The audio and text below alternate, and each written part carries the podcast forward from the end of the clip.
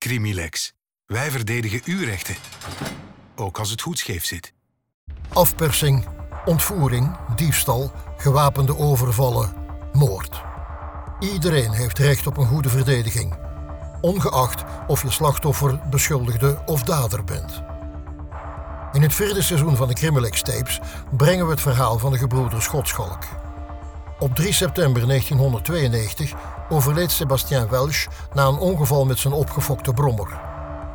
Alles wees erop dat dit een ongeval was.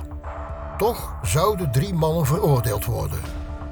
Douglas de Koning schreef een boek over deze zaak en probeerde de broers te helpen om vrij te komen. Natuurlijk zijn de broers onschuldig. Ik bedoel, het is zo'n incoherent verhaal. Ga zeggen van ja, maar je hebt gewoon niks van bewijs tegen de broers Schotschalk. Maar dan ineens komt men terecht in de wervelwind van 1996. Je voelt dan alles aan het Justitiepaleis in Luik dat men ja, ineens heeft een idee van we moeten meer naar de slachtoffers.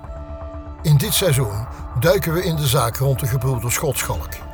En ontdekken we hoe een sofroloog een waanzinnig onderzoek in gang zette dat eindigde met de veroordeling van twee broers die er ogenschijnlijk niets mee te maken hadden. We gaan in gesprek met crimineel strafrechtadvocaten en onafhankelijke experten en ontdekken hoe zij een rechterlijke dwaling voorkomen.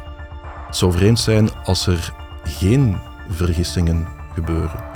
Techniek gaat gelukkig vooruit, de kwaliteit van onderzoek gaat vooruit, maar we hebben te maken met vaak een beperkte tijd, beperkte capaciteit, zowel in het onderzoek als in de magistratuur.